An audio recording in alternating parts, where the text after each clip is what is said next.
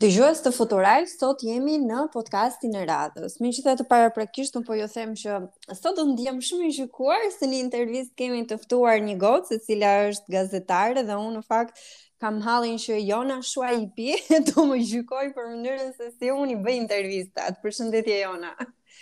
Përshëndetje Doralda, kënaqësi të takoj këtu në anën e kundërt. um, shpresoj dhe uroj që ta ta ta justifikoj rolin e gazetarit edhe po pres kritika në fakt. po po, patjetër në fund disa shënime. uh, faleminderit Jona që u bëre pjesë e podcasteve të Futuralit, uh, si një si një vajzë e cila merresh me gazetarinë dhe punon në terren duke njohur kështu uh, marrëdhëniet me njerëzit, problematikat, mënyrën se si ata e shohin artin, kulturën dhe gjithçka tjetër që e plotëson jetesën e njeriut. Do më flasësh pak për shkollimin tënd edhe më pas për uh, gjithë eksperiencat që vijnë më pas, Jona? Po, patjetër, Doralda, uh, në fakt shkollimi im i përkon pikërisht pikërisht gazetaria ka qenë dega të cilën unë e fitova dhe e studiova në bachelor dhe pastaj masteri im i përkoi marrëdhënieve me publikun sepse normalisht si të rinj me dyshimet se si do shkojë media dhe flasim për vite të Ky është shkollimi, domethënë, pastaj është shkollimi i cili në fakt të jep bazat për gazetarin, për gazetarin e të ardhmes, por një gjë që unë ua them dhe shumë të tjerëve është që puna konkrete është ajo që të mëson uh, konkretisht se se si duhet të përballesh ti me personazhin tënd në momentin që e ke përballë. A është mirëpritur nga familjarët Jona dëshira jote për të qenë gazetare, se duke patur parasysh edhe se që janë pothuajse 12 vite eksperiencë, tregon për një kohë që ndoshta nuk kuptohej ende mirë roli i gazetarit edhe, sidomos kur bëhet fjalë për një vajzë e cila do duhet pastaj të përballet edhe me terrenin. E vërtetë, nuk është mirëpritur dhe aq mirë, madje edhe dyshime se a do e bëja këtë, dhe mhm. sigurisht mm -hmm. e mora si një sfidë në atë kohë, sepse është një koncept i gabuar në fakt, edhe më vjen mirë që vjen dita dhe e them, i asaj se çfarë konsiderohet gazetari sot, sepse gazetare ose gazetar konsiderohet ai që flet shumë, që flet pa pushim, edhe ky është koncepti më i gabuar, edhe unë sot përpiqem t'ua shpjegoj shumë njerëzve. në kohën e duhur, në momentin e duhur, atë që ndjen dhe atë që mendon se publiku të përpiqesh të kuptosh se publiku do. Dhe sigurisht ishte, ishte një sfidë, e them me plot gojën sot me veten, sepse vija nga një natyrë e qetë, shumë të rinj ndoshta që më, më dëgjojnë e lidhin shumë gazetarinë pikërisht me këtë idenë e të qenit shumë folës i mirë, absolutisht shumë folës i mirë, po jo detyrimisht të të mos dish të pushosh. Hmm. Unë them të të lexuarit, të të dëgjuarit shumë mirë, gazetari duhet të jetë një dëgjues i mirë. Uh, them se të bën gazetar të mirë dhe sigurisht më vjen mirë që me kalimin e viteve familjes sime i tregova që unë dija ta bëja këtë gjë Di ta bëj mirë, ka pasur një ngritje, por e rëndësishme është që ta duash fort dhe të synosh për më të mirën në atë që bën. Ejona, ti për momentin je fokusuar tek arti edhe kultura, por uh, cila ka qenë eksperienca jote? Domethënë si ka nisur uh, puna e parë, uh, a ke bërë punë vullnetare, a e ke patur të lehtë për të gjetur punën e parë dhe çdo uh, çdo përballje tjetër që të është dashur të bësh për të filluar atë eksperiencën si gazetare pastaj. Mm -hmm. Nuk ka qenë e lehtë, po punët e para kryesisht kanë qenë vullnetare sepse ishte etja, unë isha ende studente dhe sigurisht shkolla nuk ishte përfunduar dhe normalisht i duhet të mësoj konkretisht se çfarë ishte një dhomë lajmesh, një newsroom, se si shkruhej një lajm sepse unë ende shkollën nuk e kisha përfunduar Edhe pikërisht në Gazetën Shqip, ka qenë viti 2008, uh, Gazeta Shqip atëherë ka qenë uh, një ajo vazhdon të jetë, por sigurisht ka pasur jehonë shumë të madhe për stafin që ajo mbante në brendi të saj edhe për nivelin që kërkohej të shkrimit. Edhe me thënë të drejtën ajo eksperiencë vullnetare në atë media të shkruar, pra në Gazetën Shqip më ka ndihmuar jashtëzakonisht shumë edhe në vazhdimin tim. le të themi që ishin njerëzit e duhur sepse unë mendoj që duhet të jenë afër gazetarëve të rinj disa njerëz me vlera, të cilët udhëzojnë dhe tregojnë se si mund të bëhet gazetaria e vërtetë. Dhe unë e ndjej veten me fat, ishte një periudhë e lodhshme, nuk ishte në ato vite të gjeje punë kollaj, mediat tanimë janë shtuar ka më shumë media, më shumë hapësira ku ti mund të punësohesh dhe le të themi ishte pse jo, në një ambient të ri pune, futesha me frikën, a do jem e zonja ta bëj mjaftueshëm mirë um, atë që më kërkohet. Uh, dhe sigurisht profilizimi erdhi pak e nga pak në mënyrë si të pakuptueshme tek arti dhe kultura, me thënë të drejtën. Nuk e di të tjerët redaktorët, kryeredaktorët kuptuan tek unë apo erdhi natyrshëm, nuk di të them se si ndodhi, por unë vazhdoj tek le të themi te departamenti i artit dhe kulturës prej vitesh tashmë. Si ndihesh? Domethënë mendon që ti je në zonën tënde të komfortit këtu tek arti dhe kultura? Mhm. Jam, jam. Sot mbas këtyre viteve them se jam pikërisht aty ku duhet të isha. Edhe pse në fillim thosha po po për çfarë arsye gjendem këtu, sepse artisti është um, të merresh me intervista, të cilat në fokus kanë artin, të duan të kultivuar, të lexuar, uh, të durueshëm shumë me artistin, të arrish të kuptosh konceptin që ata kanë. Dhe me kalimin e vitit kuptova që po, ky është territori im dhe këtu dua të rri, edhe vërtet uh, ndihem mirë. Madje kur dëgjoj kolegët e mi që kam në newsroom që flasin për shifra ekonomike ose për lajme sociale, ndihem e sigurt këtu në në botën e artit dhe të kulturës. Jam, si me thënë, në, në zonën time të rehatisë. Jona të ka ndodhur ndonjëherë që kur ke bërë këto regjistrime të të të, të jetë në një situatë kur uh, ti nuk e ke arritur të përmbash emocionet, nuk e di ke qeshur kur nuk duhej apo uh, s'ke mbajtur mend tekstin. Dhe janë të gjitha nga pak, pra, të me të gjitha nga pak, uh, madje edhe bashkë kemi momente, Shumë të tillë, të gjitha nga pak, do Alda di sepse tek e fundit ne jemi njerëz përtej asaj.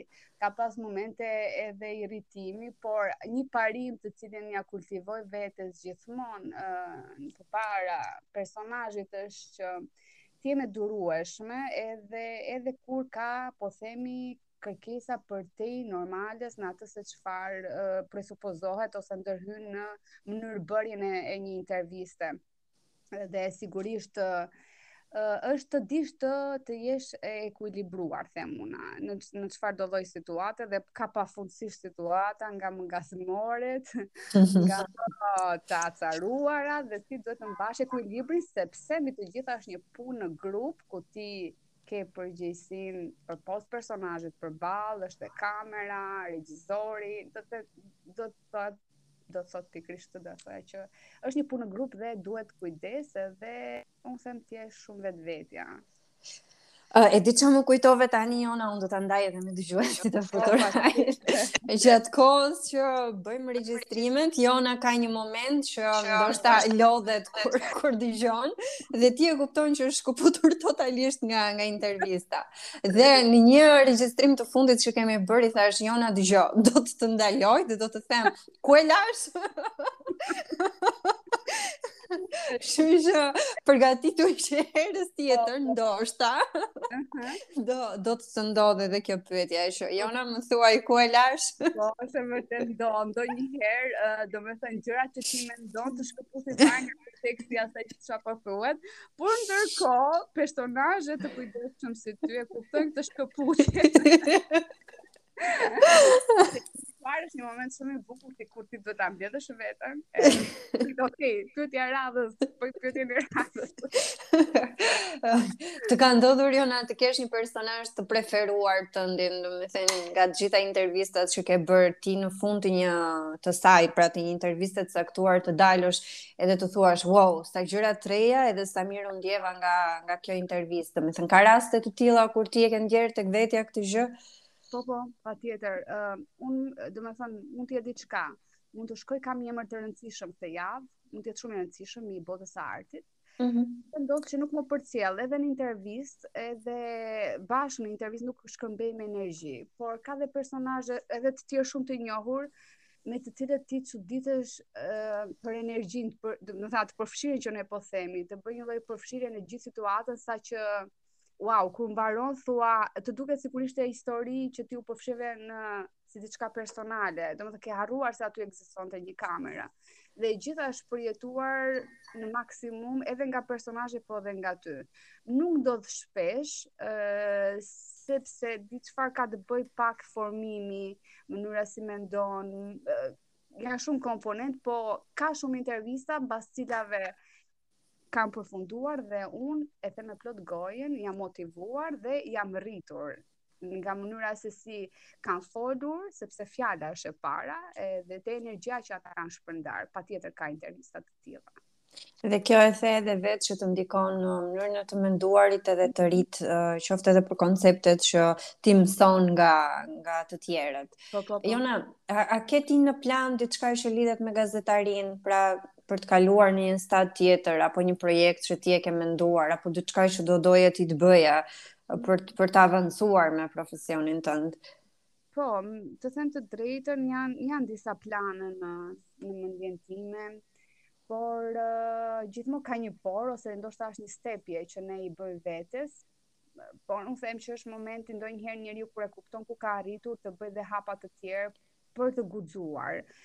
Uh, sepse është gjithmonë dilema në fakt se ajo që ti do krijosh, sidomos në botën e medias, a është a do të jetë e mirëpritur, a është ajo çfarë kërkohet dhe sigurisht jemi në një periudhë ku vëmendja për artin dhe kulturën nuk është se është në maksimum, madje edhe vetë institucionet mediatike janë në kërkim të asaj që thith audiencë, por sigurisht thitha audiencës ndodh jo me programet që në thelb kanë pikërisht edukimin. Dhe kjo është dilema e, e mos të hedhurit hapit të sigurt në vazhdim a, e asaj se çfarë do të synohet, e asaj se çfarë do të mundi mundi të marrë vëmendjen, por sigurisht mbeten projekte dhe unë them ndoshta duhet guxuar sepse nëse nuk e provojmë se si do të shkojë një emision, një një projekt, nuk kemi se si ta kuptojmë a ishte i duhuri apo jo. Por sigurisht kam në mendje disa ide, po në përgjithësi në botën e medias i lihen le të themi pas sezonit veror dhe aty ku ti kupton vërtet çfarë mund të konkretizosh realisht. Domethënë ne duhet të presim për projektet e Jonës pas verës. Po, do do arris. Jona po ti vetë ke një një shprehje e cila të motivon, pra ke ke një moto tënde, një synim tëndi në jetë që mendon se nëse e ndjek atë ti ia del mbanë apo të ka shërbyer për t'ia dalë mbanë. Në në gjithë këto vite punë, unë them me bindje sot në këtë moment që jam që të qenurit vetvetja dhe të qenit i thjeshtë, duke përdorur fjalën thjeshtë, um, është mënyra më e mirë flas konkretisht për punën që unë bëj. Nëse ti je e thjeshtë përpara personazheve, nëse ti je vetvetja dhe nëse ti beson fort tek ajo që bën, patjetër që që del më e mira nga vetja. Jemi rritur në një shoqëri ku në fakt të jesh vetvetja nuk është se na kanë thënë shumë shpesh. ë uh, kështu që unë them lum kush arrin këtë stad të kuptojë se të jesh vetvetja është mënyra më e mirë për për të ndarë me të tjerët eksperiencat edhe për të motivuar edhe edhe shijohet tek e fundit, nëse je vetvetja shijohet çdo gjë, çfarë ke rreth e rrotull, profesionalisht, personalisht gjithçka. E kuptoj. Dhe ky është një një mesazh që rrallëherë e kemi dëgjuar, sepse ta, tashmë fillojmë edhe përdorim këto shprehje shabllone të jesh vetvetja ndërkohë që tjetrin e shtypim për mos qenë vetvetja, por që ky mesazh i yt na bën të kuptojmë që nuk ka asnjë gjë më të vlefshme se sa të të luftosh për veten tënde dhe ta ta bindësh atë që uh, ti ke të drejtë dhe je më i mirë edhe ndoshta se se gjithë të tjerët që të gjykojnë se si je në fakt. Po. Por unë mendoj që ti jo vetëm punon Jona, ti ke mhm. kohën e lirë pavarësisht se ke familjen, uh, je edhe nënë, Kështu që do na thuash pak si si e ndan këtë kohën tënde për të bërë qejfet e tua, po të kesh edhe ndonjë hobi të të dedikohesh në familje. Ë, uh, të them të drejtën, është le themi ndahet me me shumë kujdes koha sepse kam dashur që edhe pjesa e punës të mos më marri shumë vëmendje nga nga djali dhe nga familja, sepse mendoj fëmijërinë si fazë shumë të rëndësishme e cila ndikon në çdo gjë që vjen më pas, kështu që puna ndahet midis momenteve sigurisht të cilat lidhen me me shtëpinë edhe me me punën. Po uh, shëtitjet ne shijojmë shumë sepse unë ç'dua të bëj çdo gjë në në në familje, në përgjithësi. Shëtitjet janë të pafundme, sapo kemi pak kohë, mënyra për ta eksploruar Shqipërinë në në çdo vend të saj, aty ku ne do të mundemi. Ë uh, së fundmi hobi më është palestra që nuk e dija më mhm. përpara, e kam zbuluar këtë kohë, uh, të lexuarit shumë më pëlqen, madje ndonjëherë edhe librin në çantë me vete kur kam pak pauza në punë sepse në shtëpi duhet të gjesh kohën e, e duhur për të lexuar sikur dhe 5 10 faqe do të thoja. Mm. Pra le të themi këto Doralda, sepse ritmi i ditës është shumë shumë i shpejtë. Po sigurisht që rreth këtyre gjërave vërtitet le themi përditshmëria ime. E kuptoj. Më the që na the, se po na dëgjojnë edhe dëgjuesit e Futural, që uh, të pëlqen të eksplorosh Shqipërinë. Ke një vend të preferuar, një qytet të preferuar, që ti sa herë shkon, ndjehesh, si në shpinë tënde? Uh, ka në fakt dhe është Pogradeci, është qyteti yt i lindjes, është qytet që më jep qetësi. Në fakt e thonë të gjithë. Nuk është se e them vetëm unë. Nëse ka një vend që mbas një jave të lodhshme do doja të shkoja dhe të të qetësohesh dhe ta shijoja mëngjesin herët dhe një ecje herët në mëngjes është pikërisht Pogradeci. Është unik në atë që në atë që mban si traditë në atë që ofron edhe kështu që me Pogradecin do të do ta zgjidhja me me shumë dëshirë të Dhe unë i kam, i kam premtuar Jonës që do t'i bëj guidë, po, po. Për t'i treguar që nuk e njoh Pogradecin, nuk kam njohur dhe tani vjetër dhe vjen keq dhe unë këtë dua të bëj nga udhëtimet e fundit të mia që të hyj në ato zona ku shkohet për te, jo përveç fasadës që është aty, po te ato shtëpitë e vjetra, mënyra se si jetohet, Nuk të lë profesioni jonë që ta shohësh ndryshe edhe edhe udhëtimin edhe. E vërtet, e vërtet se shoh vetëm që dua të përtej, domethënë mos vete nuk e konsideroj dot një udhëtim nëse shkoj dhe ulem direkt në restorant, po dua ta shijoj, të eksploroj, të shoh si është jetuar, si flitet, çfarë kanë bërë më parë. Kështu. Dhe më vjen mirë që e dëgjoj këtë edhe mm, më bëre tani të ta premtoj publikisht që do ta bëjmë atë guidën sa më shpejt që të jetë e mundur. Um, Jona, ne jemi pothuajse në përfundim dhe unë do doja që për të gjithë dëgjuesit e Futural që ti tashmë uh, e njeh dhe e di që audienca e Futural është me të rinj, të reja, vajza dhe gra, uh, të cilat kanë nevojë për shembuj pozitivë, për shembuj të cilët i motivojnë pavarësisht profesionit që zgjedhin të bëjnë, pavarësisht uh, arsyeve që ju janë thënë se nuk duhet ta bëjnë diçka. A ke ti një mesazh për ta, le të shërbejë si një si një start qoftë edhe në mendim dhe pastaj në veprim? Unë do të thoja nëse brenda tyre është një dëshirë, është një ide që e duan fort, por mendojnë se rrethanat nuk janë të duhura, nëse situata nuk është e duhur, unë them se duhet të guxojmë, sepse nëse nuk guxojmë, sigurisht nuk do të dimë se çfarë vjen pas. Dhe pas mund të jetë një sukses shumë i madh, dhe pas mund të jetë një rizbulim i vetes tonë. Kështu që unë them të guxoni, ta shijoni momentin, mos të merremi shumë pas me të shkuarën, shumë me të ardhmen, po t'i përkasim të tashmes. Të jemi vetvetja, atë që thashë pak më përpara, ta shijojmë momentin edhe të japim maksimumin. Secili nga ne ka, ka më të mirën brenda tij dhe nëse secili nga ne kërkon, ajo e mirë do shfaqet dhe do bëhet më e mira. Nëse të gjithë ne japim më të mirën, sigurisht bëhet edhe një shoqëri më e mirë dhe një botë më e mirë. Unë jam pa dyshim e këtij mendimi. Jona, unë të falenderoj shumë për mesazhin e fundit, por për gjithë intervistën, për kohën edhe ndarjen me ne të momenteve të cilat të kanë bërë ty të jesh, kjo që je sot. Të falenderoj shumë.